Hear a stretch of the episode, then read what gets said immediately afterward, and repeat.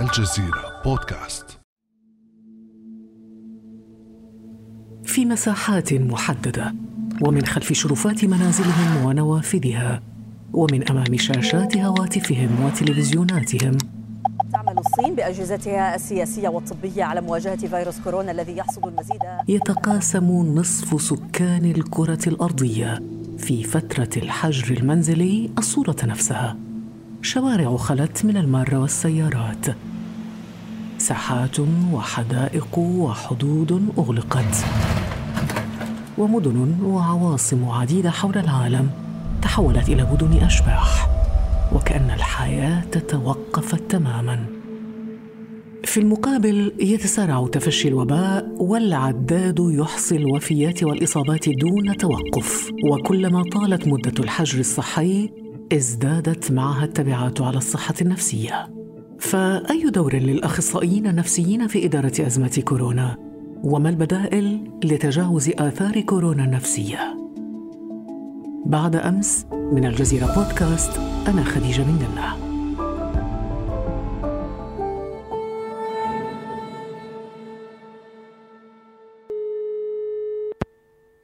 نرحب بالدكتور مأمون مبيض استشاري الطب النفسي. أهلا وسهلا بك دكتور. أهلا وسهلا بك سيدي خديجة. دكتور مأمون آه، يقبع ثلاثة مليارات من البشر في منازلهم. كيف يؤثر برأيك هذا الحجر على الصحة النفسية للإنسان؟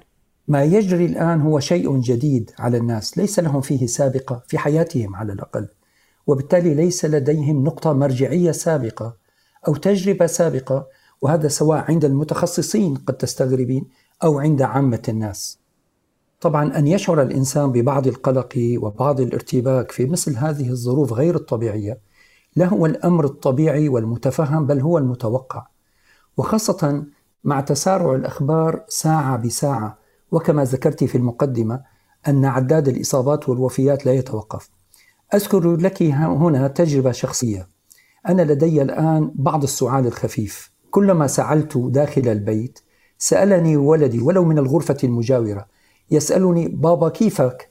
فهو لا شك قلق بعض الشيء على والدي وهذا أمر طبيعي ولكن لافت إنه يعني كلنا مهلوسين في النهاية مجرد سعال أو يعني أنا مثلا ذهبت إلى المستشفى مع إنه ما كان عندي أعراض وهذا من كثرة القراءة ومطالعة المواضيع اللي عندها علاقة بالكوفيد 19 دكتور الآن الهدف من الحجر طبعا هو تفادي الإصابة بكوفيد 19 ووقف انتشار الوباء. هل يمكن أن يؤدي هذا الحجر إلى الإصابة بأمراض نفسية؟ آه، جميل السؤال. طبعا أريد أن أقول أن الحجر الصحي أنواع ولكل جوانبه النفسية. للتبسيط أذكر ثلاثة أنواع. هناك العزل الصحي وهو لمن أصيب إصابة شديدة ودخل قسم العناية المركزة في المستشفى. فهذا موضوع مختلف. هذا يعني نحتاج إلى علاجه وعزله عن الآخرين لأن الإصابة مؤكدة. وطبعا من الناحية النفسية قد يشعر بالخوف الشديد وحتى الذعر أو يسكب الله تعالى في قلبه الطمأنينة والسكينة.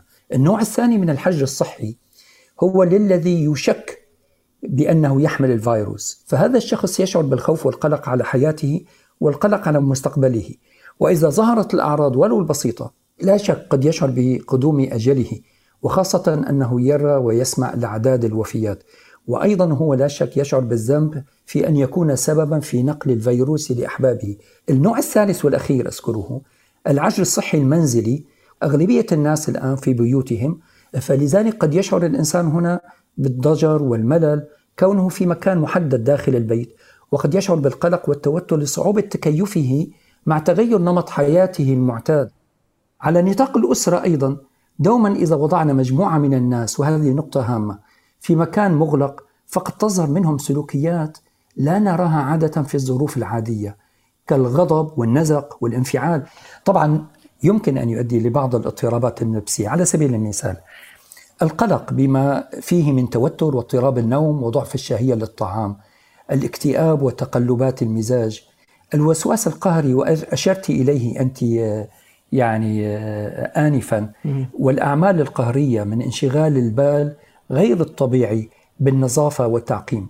أنا البارحة تواصلت مع شاب أعالجه يعاني من الوسواس القهري. سألته كيف أنت؟ فقال لي الناس الآن يعانون من الوسواس وأنا بخير.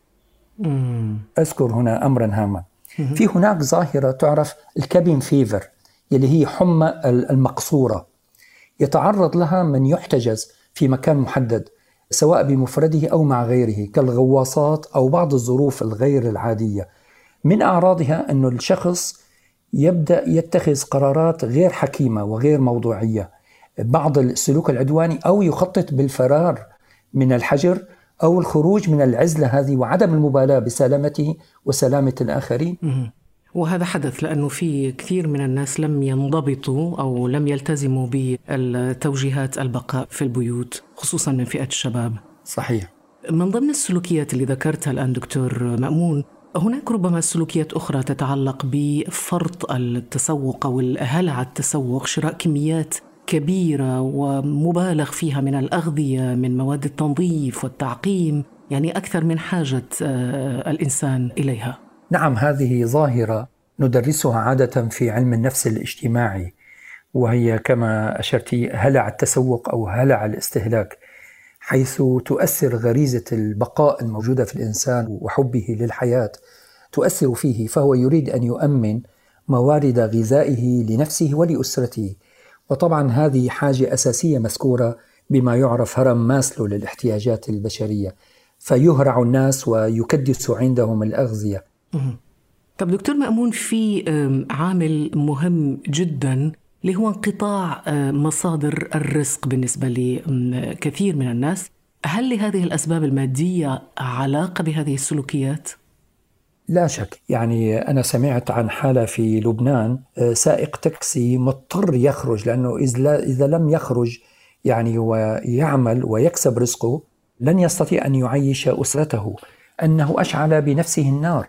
وما يرافق هذا كما أشرت انقطاع الدخل والمشاحنات الأسرية وظواهر هذه الاجتماعية والاقتصادية. نعم كلها تلعب دور فيتصرف الناس بطريقة لا يتصرف بها في الحالات العادية هل يلامون دكتور يعني عندما نبحث عن الأسباب وراء كل هذا ربما هناك أشياء تغذي هذا الهلع يعني في جزئين الخطاب الإعلامي والخطاب السياسي أولا الخطاب الإعلامي هل تراه صحيح. مبالغا فيه ويغذي هذه الحالة النفسية؟ نحن نمر الآن في أزمة عالمية حرجة غير مسبوقة في حياتنا وتهدد العدد الكبير ونحن نرى هذا يوميا يعني تقريبا ألف توفوا في إيطاليا في يوم واحد. آه، حقيقة إنها مسؤولية كبيرة في توعية الناس بخطورة الوضع.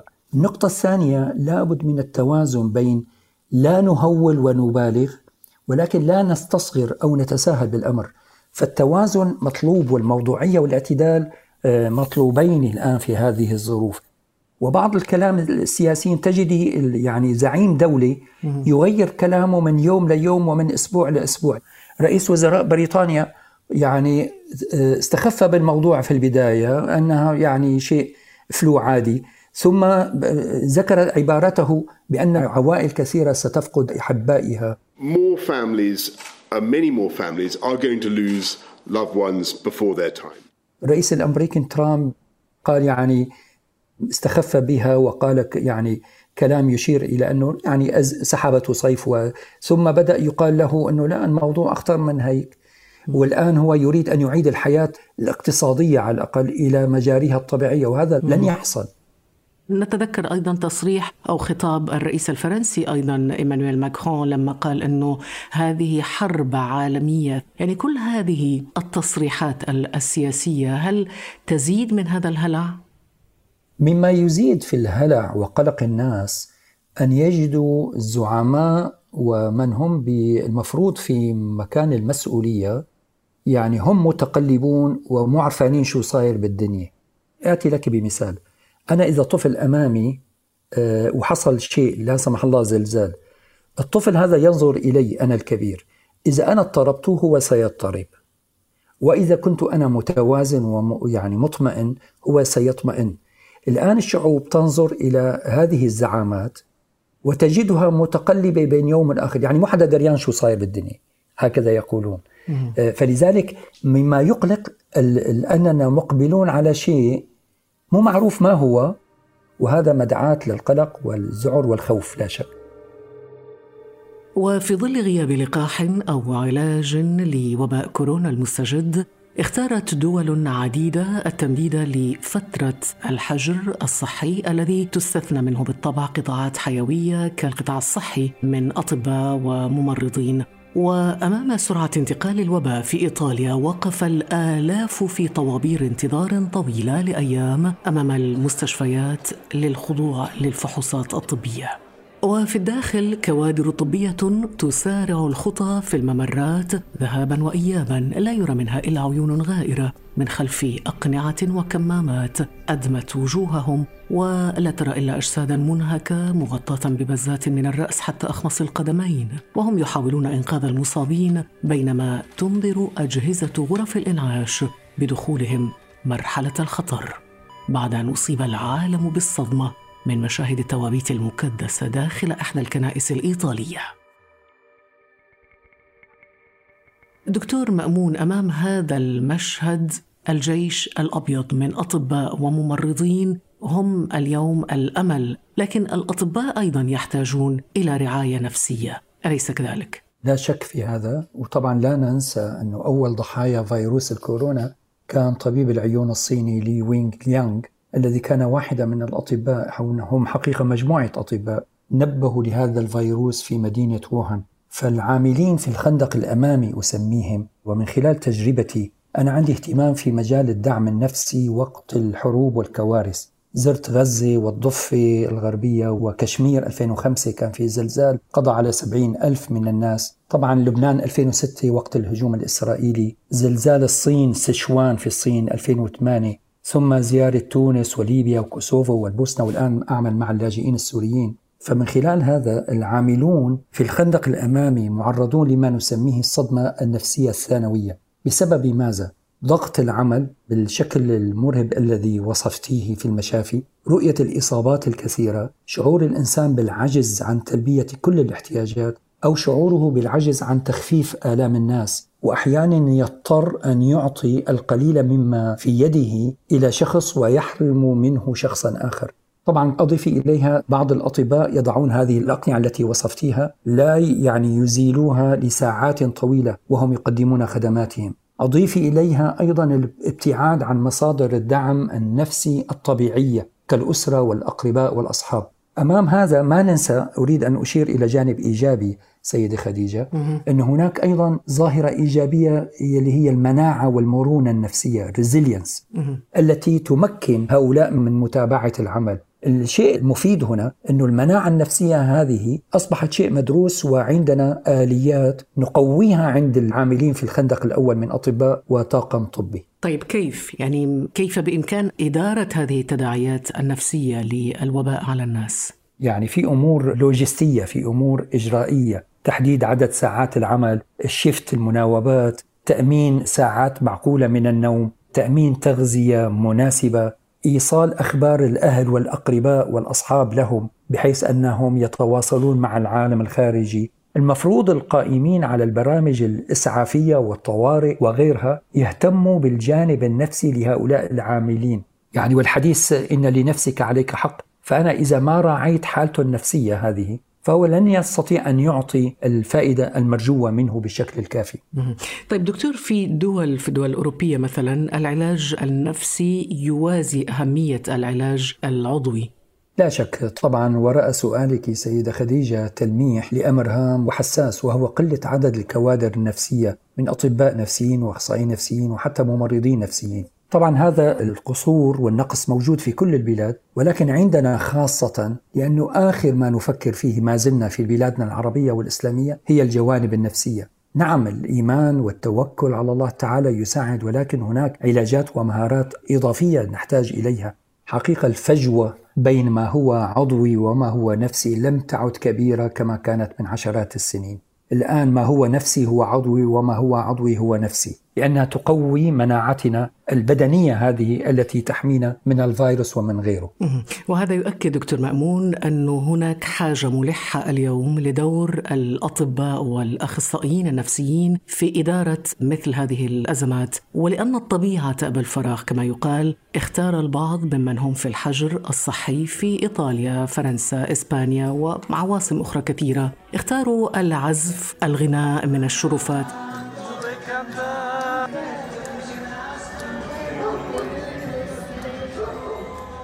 بينما تداولت وسائل التواصل الاجتماعي فيديوهات لأطباء حول العالم هم أيضا يرقصون ببزاتهم الصفراء والزرقاء والبيضاء على أنغام وإيقاعات تبعث فعلا على الأمل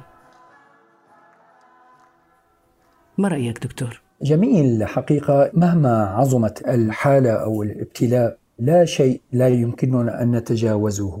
الناس يختلفون في طبيعتهم في نظرتهم للتحديات بين السلبي والإيجابي يمكن أن نحاول قدر الإمكان في هذه الفترة من الحجر الصحي والمنزلي أن نحولها إلى فترة من النمو والتطور وربما مراجعة الذات. هناك كثير من الناس يتابعون الآن أعمالهم نعم. أونلاين من البيت. هناك كثير من الشركات أتاحت البرامج المجانية الإلكترونية للتواصل بين الناس. كثير من المكتبات والجامعات الآن تتيح الآلاف من الكتب والمراجع المجانية. وزارة التعليم الآن التعليم عن بعد الآن ونحن نتحدث الطلبة جالسون أمام أجهزتهم يتعلمون. علينا حقيقة الاستفادة من مصادر الدعم النفسي. وهناك أيضا دكتور العديد من المتعافين من فئة المسنين وهم الغالبية, وهم الغالبية. نعم. وتعافوا تماما. وهناك أبحاث علمية تجري على مستويات متقدمة جدا للبحث عن لقاح. هناك من يستغل الوقت في البستنة. أنا مثلا بالنسبة لي هذه فرصة للالتقاء مع أبنائي مع عائلتي في البيت. فهناك جوانب إيجابية ليس كذلك دكتور؟ صحيح حقيقة ينصح لمن عنده مجال أن يخرج في حديقة منزله أو شرفة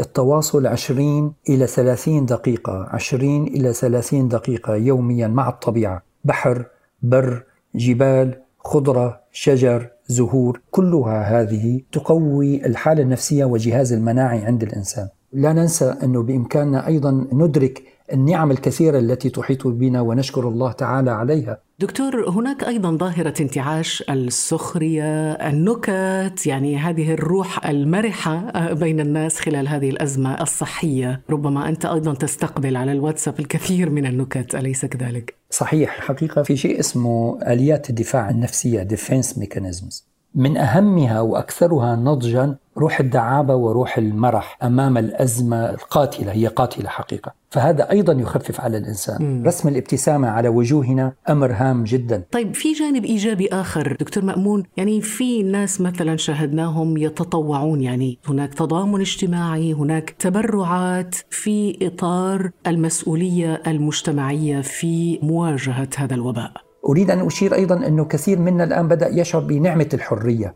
أن الإنسان يخرج ويذهب إلى المكان الذي يريده وربما هذا يجعلنا أكثر تعاطفا مع الذين حرموا من هذه الحرية، فلعلنا في هذه المحنة التي فيها نخرج ونحن شعورنا أكبر بالمسؤولية الاجتماعية ونصره الإنسان المظلوم في كل مكان. إن شاء الله نتمنى أن نخرج سالمين من هذا الوباء. شكرا جزيلا لك دكتور مأمون مبيض استشاري الطب النفسي على هذه الإضافة الجميلة. شكرا لك إلى اللقاء إن شاء الله. كان هذا بعد أمس.